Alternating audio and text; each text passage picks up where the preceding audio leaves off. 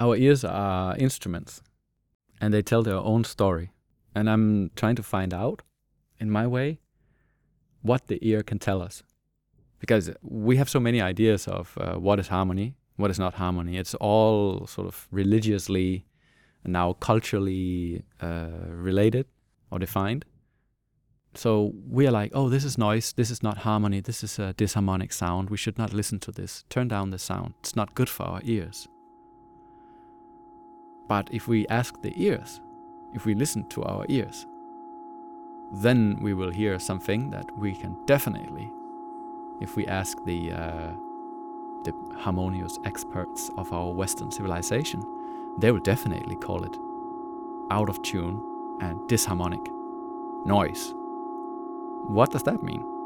Our ears say this, but we say like we, we feed the ear with what we think is harmony, but the ears say, well, okay, but this is my sound. And that sound I pick up and play it back to the ears. Let's listen to that.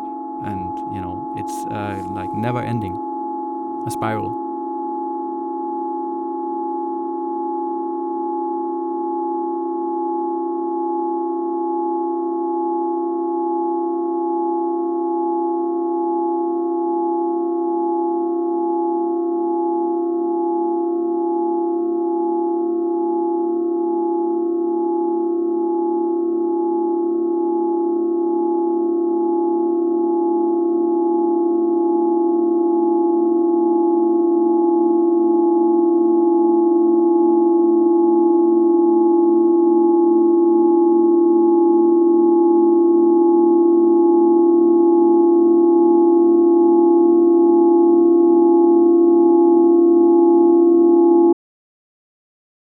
Agree with Max Neuhaus when he says that the medium in art is not always the message.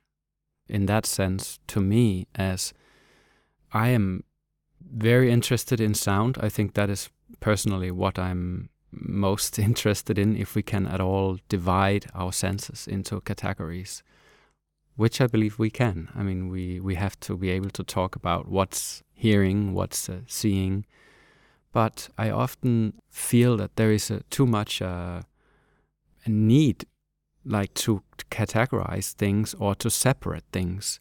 Because when I uh, walk through the city, I don't only listen or only only see some things.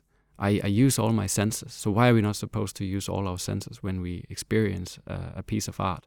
And I think even if we go and experience uh, just a, a, piece of music, it's still uh, isn't just appealing to our ears. So, what I'm thinking is um, we don't need to separate things so much anymore. Uh, I, of course, have my main focus on, on sound, but it's uh, everything is melting together.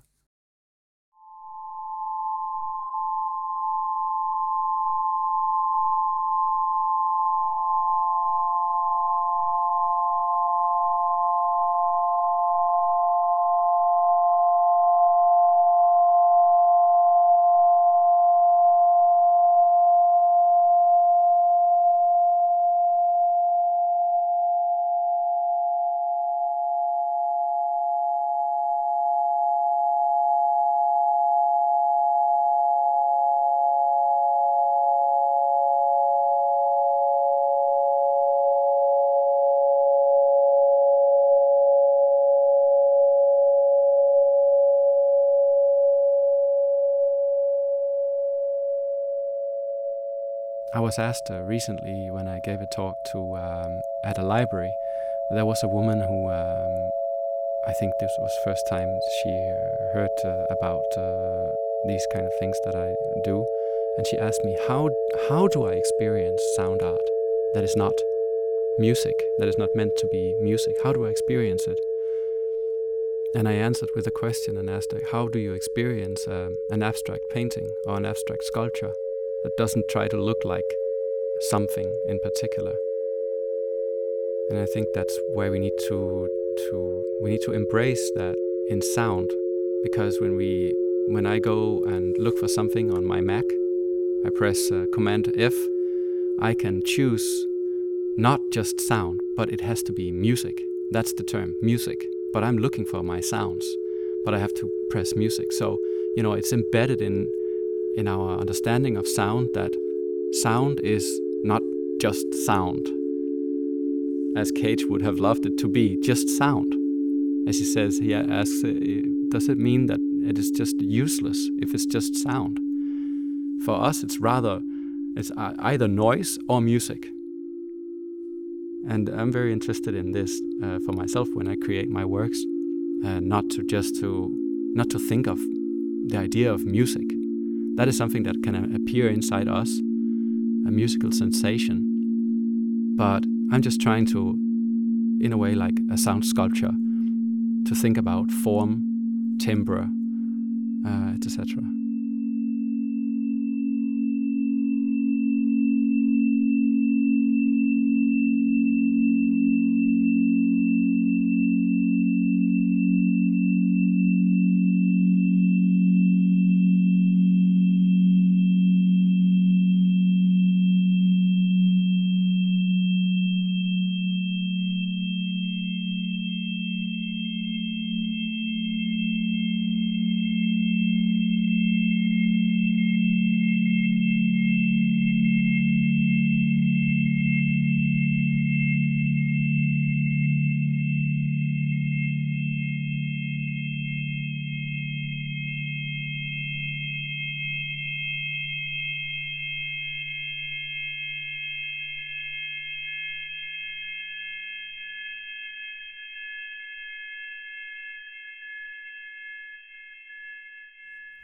interested in in space as idea because I think that space is kind of um, a possibility for for everything, uh, but yet it's a it's a frame in a way. Like for example, my my work Four Rooms AION, uh, recorded in empty spaces in Chernobyl, uh, radioactive spaces, where I worked with the resonant uh, frequencies of those rooms that were empty but yet full of something else, uh, radiation. Of course, there was also radiation outside these spaces or rooms, but the spaces were like a, a framing of something, and something that we, if we talk about Chernobyl, these empty spaces were kind of a like a frame for something that we um, did wrong or an accident or something that shouldn't have happened. So when we uh, look at these spaces, uh, listen to these spaces, it can sort of, I think, help us to grasp something. And that's what I uh, want to try to do uh, with my art to listen to spaces uh, in order just to grasp them, to perceive them. And I'm saying grasp instead of understanding because I believe that to grasp something is uh, very profound and important in order to understand things. Because how do we understand Chernobyl? How do we understand the global warming? How do we understand uh, that the Israelis are building a huge wall in Palestine, etc.? Things that I have recorded. I recorded that wall, the vibrations of that wall. I recorded uh, underwater uh, in um, Greenland, uh, the calving glaciers and in Chernobyl and in Fukushima. I don't do that to tell about my opinion, but I do it just to listen, just to let those places speak without sounding too esoteric, but just to open a space for listening, for perceiving, and to grasp these places, uh, to give an opportunity for people to just to feel these spaces without having to have an opinion.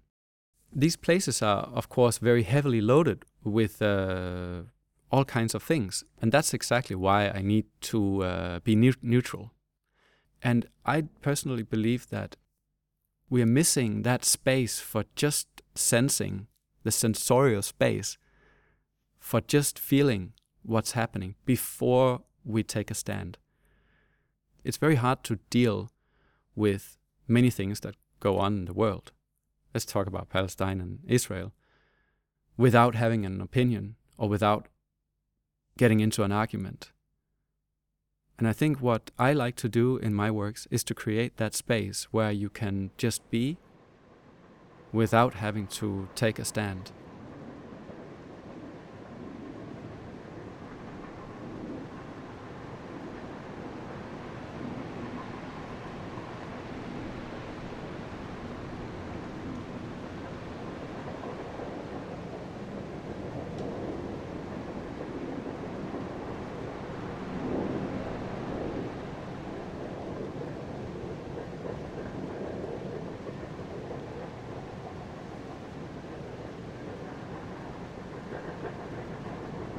What I find interesting by recording a place that is uh, loaded in some way or that has a history is that our perception of that sound changes. But, of course, that sound could be from anywhere. Maybe I never went to Chernobyl. Who knows? But uh, I'm telling you that this sound is from Chernobyl. So you start to hear something in there. I've met people who said, oh, this is the sound of radiation. Even one person said, I hear the sound of the, of the suffering of the people of Chernobyl. And I, I almost had to laugh. But this is because, not about laughing, but this is the reason why people can say these things is because they put their own story and their own ideas into that sound that in itself is nothing but just uh, some different frequencies humming. So that's why I like I did this uh, work that I called Stigma uh, for the Mori Art Museum in Tokyo, where I recorded in Fukushima, where I was just recording layered uh, sound of those spaces, working with the resonance of those spaces. But I tried to film the spaces as I saw them, not to change anything because uh, I believe that when you look at them, you see something else because you know it's Fukushima. But it could, in principle, be somewhere else. This is so interesting, I think, how we, our perception changes of a sound. And, uh, and I really find it inspiring to listen to uh, John Cage when he talks about this uh, there is a wonderful video on YouTube where he speaks about um, sounds being in love with another sound and so on. It's just a short little thing where he sits in his apartment and speaks. And there he talks about this, like sound just being sound, not wanting to be anything happy or sad or anything, but it's just sound. That's really what I what I try to do. I, I do believe that if, if people hear a dark tone in my my sound, it's because it happens inside themselves.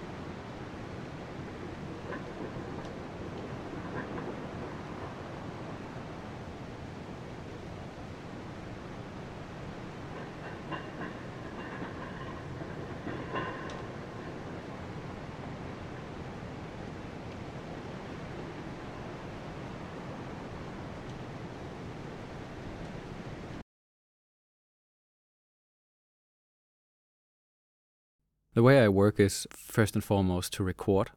And then what I do with these sounds is to see myself more as a curator, mediator, uh, than uh, a composer. I like to call myself a composer, but not in a traditional sense. I have uh, studied classical cello and I know what it means to have to control a sound completely. You have to be in control. You have to know where you want to go with that tone. But what I'm very interested in with uh, recording sound of uh, my environment, and especially the sounds that are not immediately uh, heard, is that it's uh, so deep. I often find so many layers within real sound that I record from my environment. So many overtones, melodies, if you will, pulse, uh, rhythm, um, but all created by, uh, I wouldn't just say nature or industry, but uh, common to everything is that what I'm interested in is to record sound that has not been composed, that doesn't have a meaning or, or want to be a sound piece, but just to, to listen to, to something that is created for another purpose, uh, say a wall or, or, or some nature thing or, or industry, that has another purpose, but the side effect is some sound, some uh, overtones even, and that I can pick up and try to understand what is it, what what does it mean, how can this uh, material also be, be understood, and then what I do with this sound, once I have captured it the way I want, or the way I think uh, is um, a justified way for it, then I try to put that into another frame, another space, to to remove it from its uh, content, yet with respect for its content. When I did a piece called Isfald for Louisiana Museum of Modern Art in Denmark, they sent me to Greenland. When I was on the ice fjord, I could hear these calving glaciers, the big ice chunks, like huge, falling into the water. But they were all falling into the ice fjord. And the ice fjord was making all this 40,000 year old or whatever ice melt at this moment when it sort of falls into the water. So I thought I'm going to uh, record this from underneath uh, the water surface, which enabled me to listen to much more, uh, a wider range of um, like the whole ice fjord of of this calving glaciers because sound travels so fast and so far underneath the water. So that was why I chose to record with an underwater microphone, like a hydrophone, to really try to capture more of it. But also, in general, I uh, I'm interested in listening behind the immediate. I'm doing this because I generally believe that we contain much more than what we immediately see. That also goes for like a, on a human level. You know, we have a surface as well, but we also have a something behind our surface, and it's a way to try to to go behind uh, what we immediately hear and question ourselves: Is that really all? I mean, maybe there is something behind, and I think that can teach us something.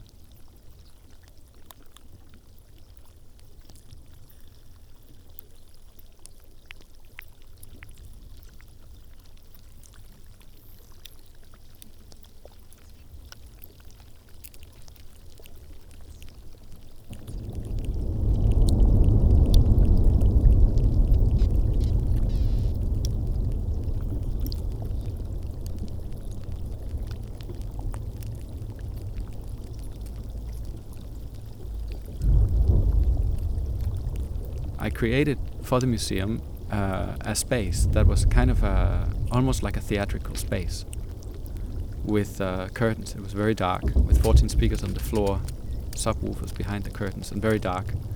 Only a little bit dimmed light on the curtains, blue greenish.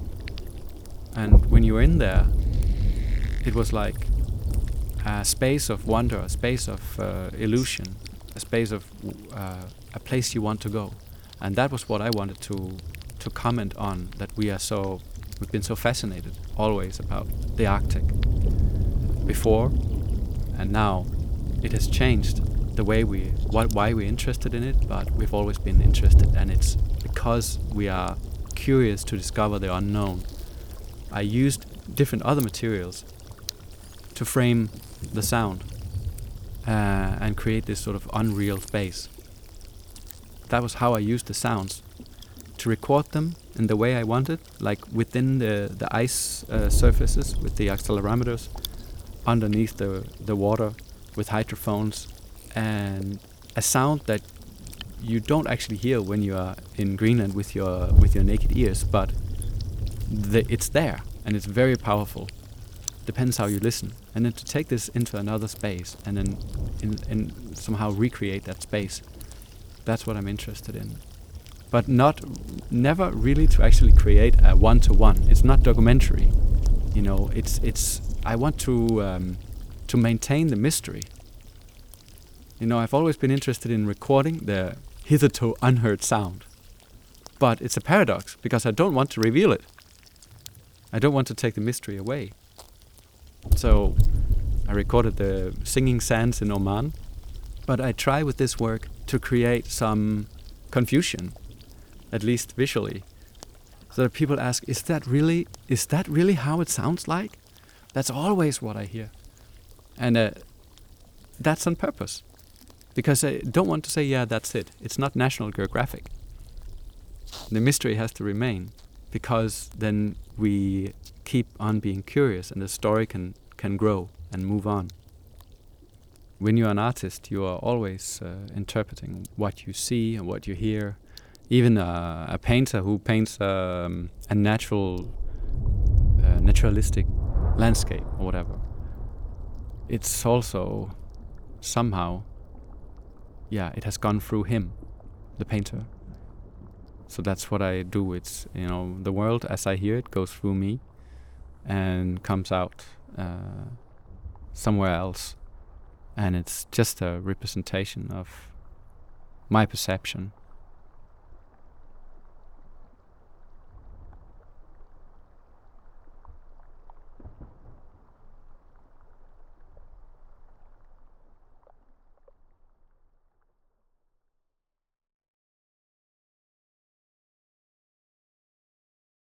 I'm not interested in creating works that have a specific feeling. I would never put a specific feeling or message into my sound works. You know, when I recorded in Chernobyl, uh, I got some emails uh, in the first years from some people who kindly got in touch with me and said, like, "Hey, you're interested in these dark, obscure places. Why don't you check this place out?" Which was nice, but I was not interested uh, in Chernobyl because of its obscurity or because of its uh, darkness or something. I don't see it as specifically as a dark place uh, or anything. I try just to create something that is as neutral as possible because I believe that it's where things are just neutral, where I don't try to tell you what to feel, that you can actually feel what you feel. And that's what I want. I don't want to control you. I just want to open that space and to create the sound that appears in that place. And if people get uh, frightened from listening to it, it's okay. Or if they get happy, it's also okay. You know, I'm not going to dictate that. So I'm interested in technique as a tool to understand these places. But I try not to let the technique control me or take over. I try to to to think or to feel and then to take a decision. I don't think my work is esoteric. I just uh, deal with uh, whatever uh, goes on in the world that interests me. If you know me personally, I will definitely give you my opinion on uh, everything. But what I try to do in my art is to draw back, but to deal with the spaces or what's going on in the world by just giving them attention, but not telling you what to feel. That's what I try. And I just try to listen to them. I just try to record them. And I, I try to uh, figure out how I technically best record a space.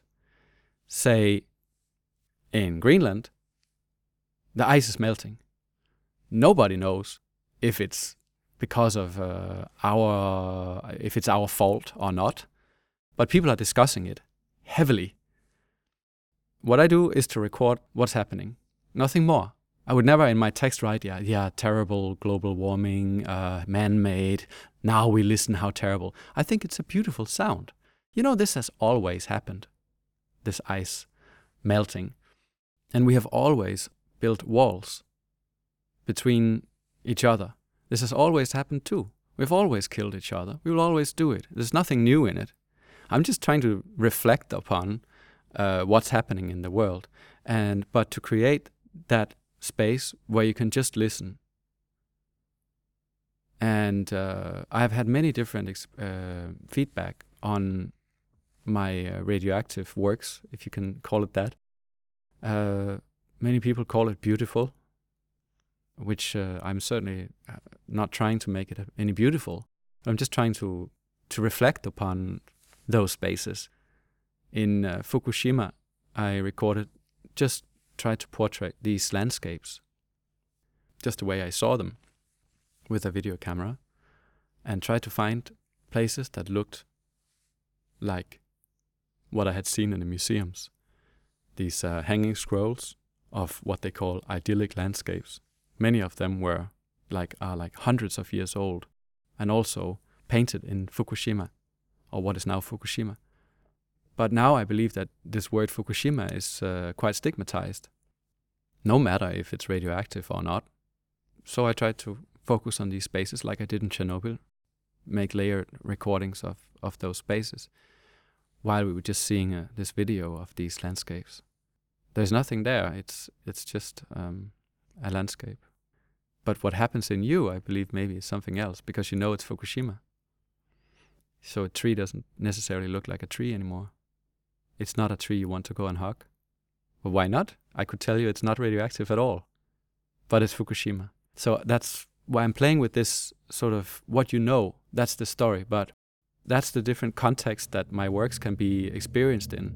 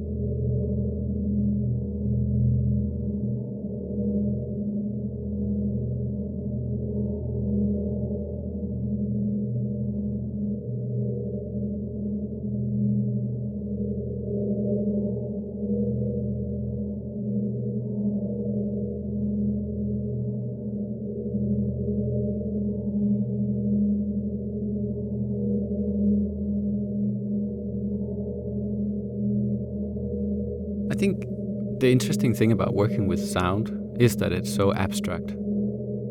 If you're in a museum, you and you look at an object, you know where the object is. It's probably in front of you and not behind you. And sound can be coming from everywhere. It can make you curious in a different way, and it can make you uh, wonder what it is. It's invisible. Where did it come from? Why does it move me? Why does it touch me? It's abstract. And I think that's very interesting. Um, I really like the wonder that you become active, that you not only just presented something, here, eat. That's why I like to sometimes, not always, to to uh, record or to work with heavily loaded uh, places because uh, those are so difficult places to uh, to talk about and to just to grasp, just purely. I again talk about my Chernobyl work because uh, I think I found so much in there that mystified me. There's so much more to this place than whether we are into radio radioactivity or not, or like uh, nuclear energy. This is uh, not important. Fact is, we created, we have invented it, and we will create it, and there will be more Chernobyls and more Fukushimas in the in the future. No matter what we do, no matter what kind of art I do. Why don't we look at what this means? That we've been able to create something that reaches thousands of years into the future. We have never done this before. The pyramids won't even survive that. This is a testament of our time that we have created, something that transcends ourselves. That is so mystical. And uh, that's what I like to, to, to open up for just by listening to those rooms and the layering of that time. That sort of layers and layers, and then you listen to more and more time. It's like going beyond time a little bit. You listen to something you, you, you didn't hear before, but it was always there the resonance of those spaces. It's not so much about doubt or knowledge, it's about the mystery. Not to sound esoteric, but it's about the wonder. It's about where you can actually live in that place without wanting to know what's the truth and what's not the truth. It's not important, I think. Politicians are into that. This is the true way, you know. I'm sure we, if we can feel and, and, and grasp and listen and give ourselves this time to just listen uh, to ourselves foremost, we know what is right and wrong, but I'm not going to tell you.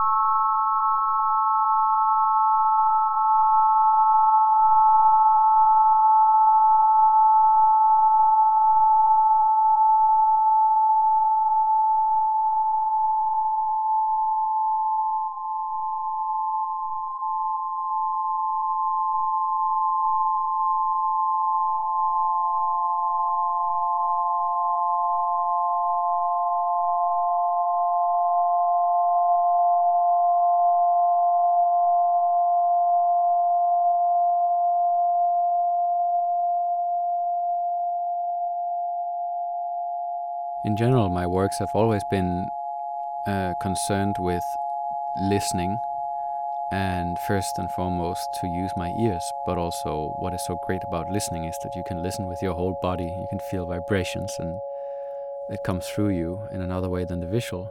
But uh, even more interesting to me was to start to listen to to the sounds that were not immediately uh, paid attention to, or even audible. So I've always been using my ears a lot but until I found out that uh, the ears themselves actually are capable of creating and producing sound. And that completely blew my mind because could I then listen to my own listening organs? But what would I then be listening with if that was also producing sound? Was totally uh, paradoxical and absurd thought. And uh, I decided to look into this and uh, found out that it, the phenomenon is uh, scientifically called uh, otoacoustic emissions, or also spontaneous otoacoustic emissions. And uh, I've been working in this field for almost, yeah, eight years, and produced different works. One is called Labyrinthitis, which consists of so-called um, evoked otoacoustic emissions distortion product otoacoustic emissions, which are tones evoked or being generated in the cochlea, uh, making the hair cells vibrate and thereby producing tones. And this you can do by playing other tones into the ear that have a certain ratio. And uh, ear doctors are doing this in order to measure uh, if babies can hear or not they produce these tones into the ear of the baby, and then if the baby's ear produces tones back, then the ear works. And uh, this I had done with my ears. Two tones were played into my ears, and then my ear was producing a third tone because my ears work.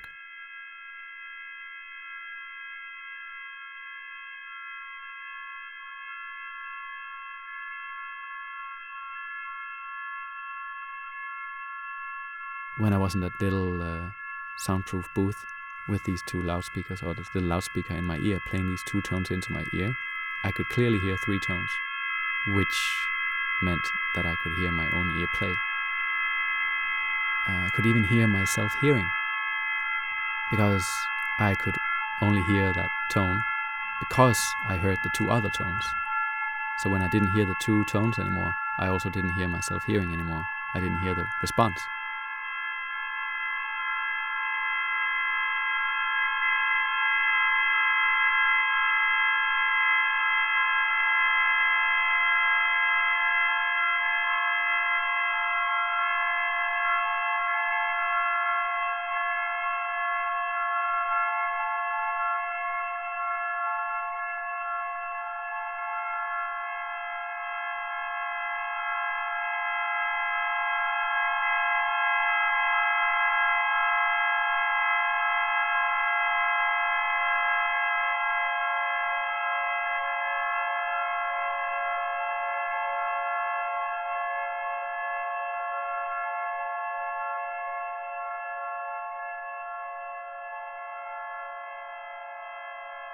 That gave me the idea for what I wanted to do with that piece and how to create it, which was to record, to have them record my my response from these two tones.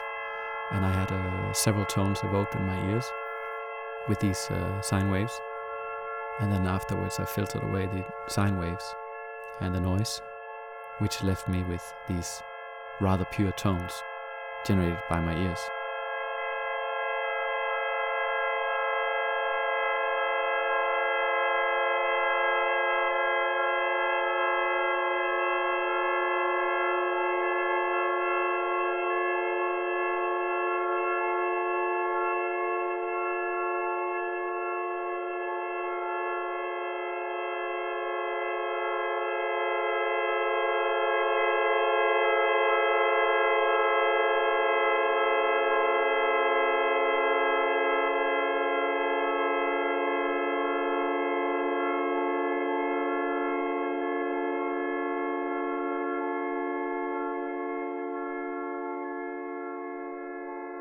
Those tones I then tuned into that ratio that was used to produce tones in my ears and then played them for an audience.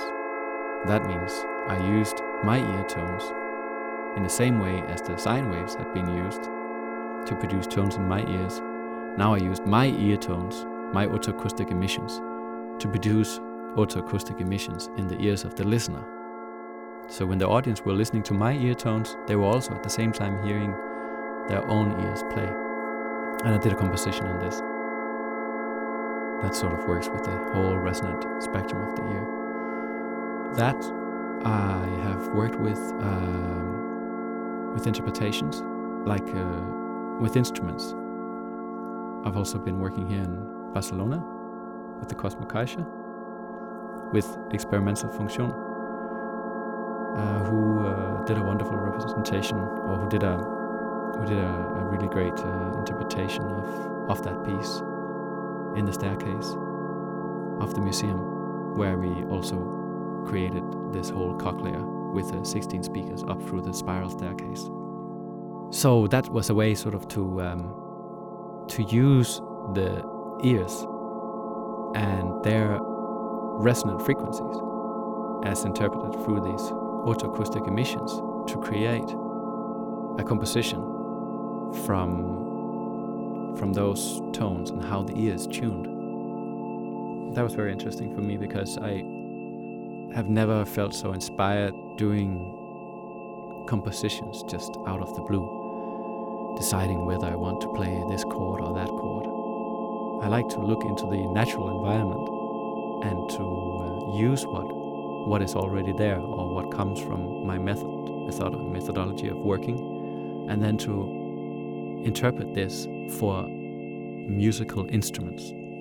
So this will become compositions that haven't got an aim to have a, a specific uh, feeling or wanting to be dark or happy or aggressive or anything, but it's just uh, an interpretation of what there is. Neutral.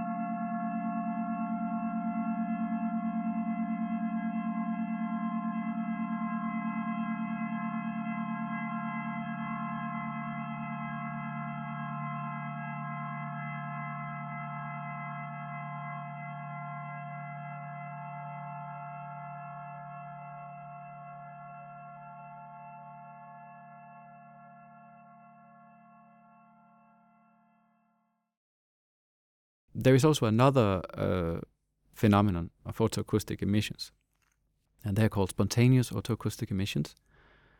And that's also a very curious phenomenon because uh, some of us, or some people, uh, mostly younger people, 75%, I think, I believe it's around that, uh, have uh, spontaneous otoacoustic emissions, which means their ears produce tones without any external stimuli. That means no sounds are played into the ears to evoke those responding tones. And um, now I have this microphone uh, that enables me to record this, and I've had a lot of uh, supervision from uh, Christopher Shera from uh, Harvard University, who uh, is also uh, researching this a lot, and he has helped me with um, being able to record it myself. So I have recorded a lot of different people's spontaneous otoacoustic emissions, and this has been extremely interesting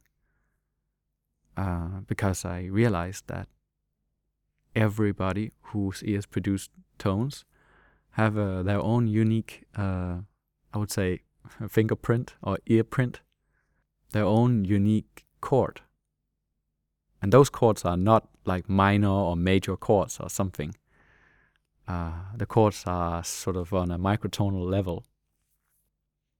Has not much to do with what we hear, or maybe it has. That would also be an interesting question to ask. Is it uh, culturally dependent? What otoacoustic emissions uh, the ears produce? I recorded uh, several uh, people in Brazil, and all of the people I recorded had a lot of emissions and very complex tone tonal clusters. It's like clusters, basically. It reminds me a bit of some of Ligeti's works, and this is a basis for my new composition um, that I'm working with on, and that will be hopefully uh, both for flutes uh, or orchestra. But um, first of all, right now I'm working with uh, Suzanne Farrin from New York, uh, who is um, playing the Ondes Martenot, doing small interpretations of these different ears that I've recorded. And those will not only be of the different tones that the, each ear produce, but also of the noise that I recorded inside the ears. So it's not only going to be filtered recordings, but also the, the inside, the blood and the heartbeat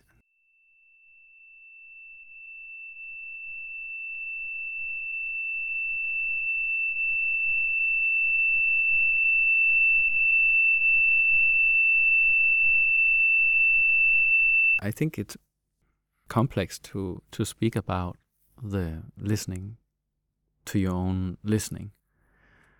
And that's why it's so interesting because of the complexity, because it's a paradox.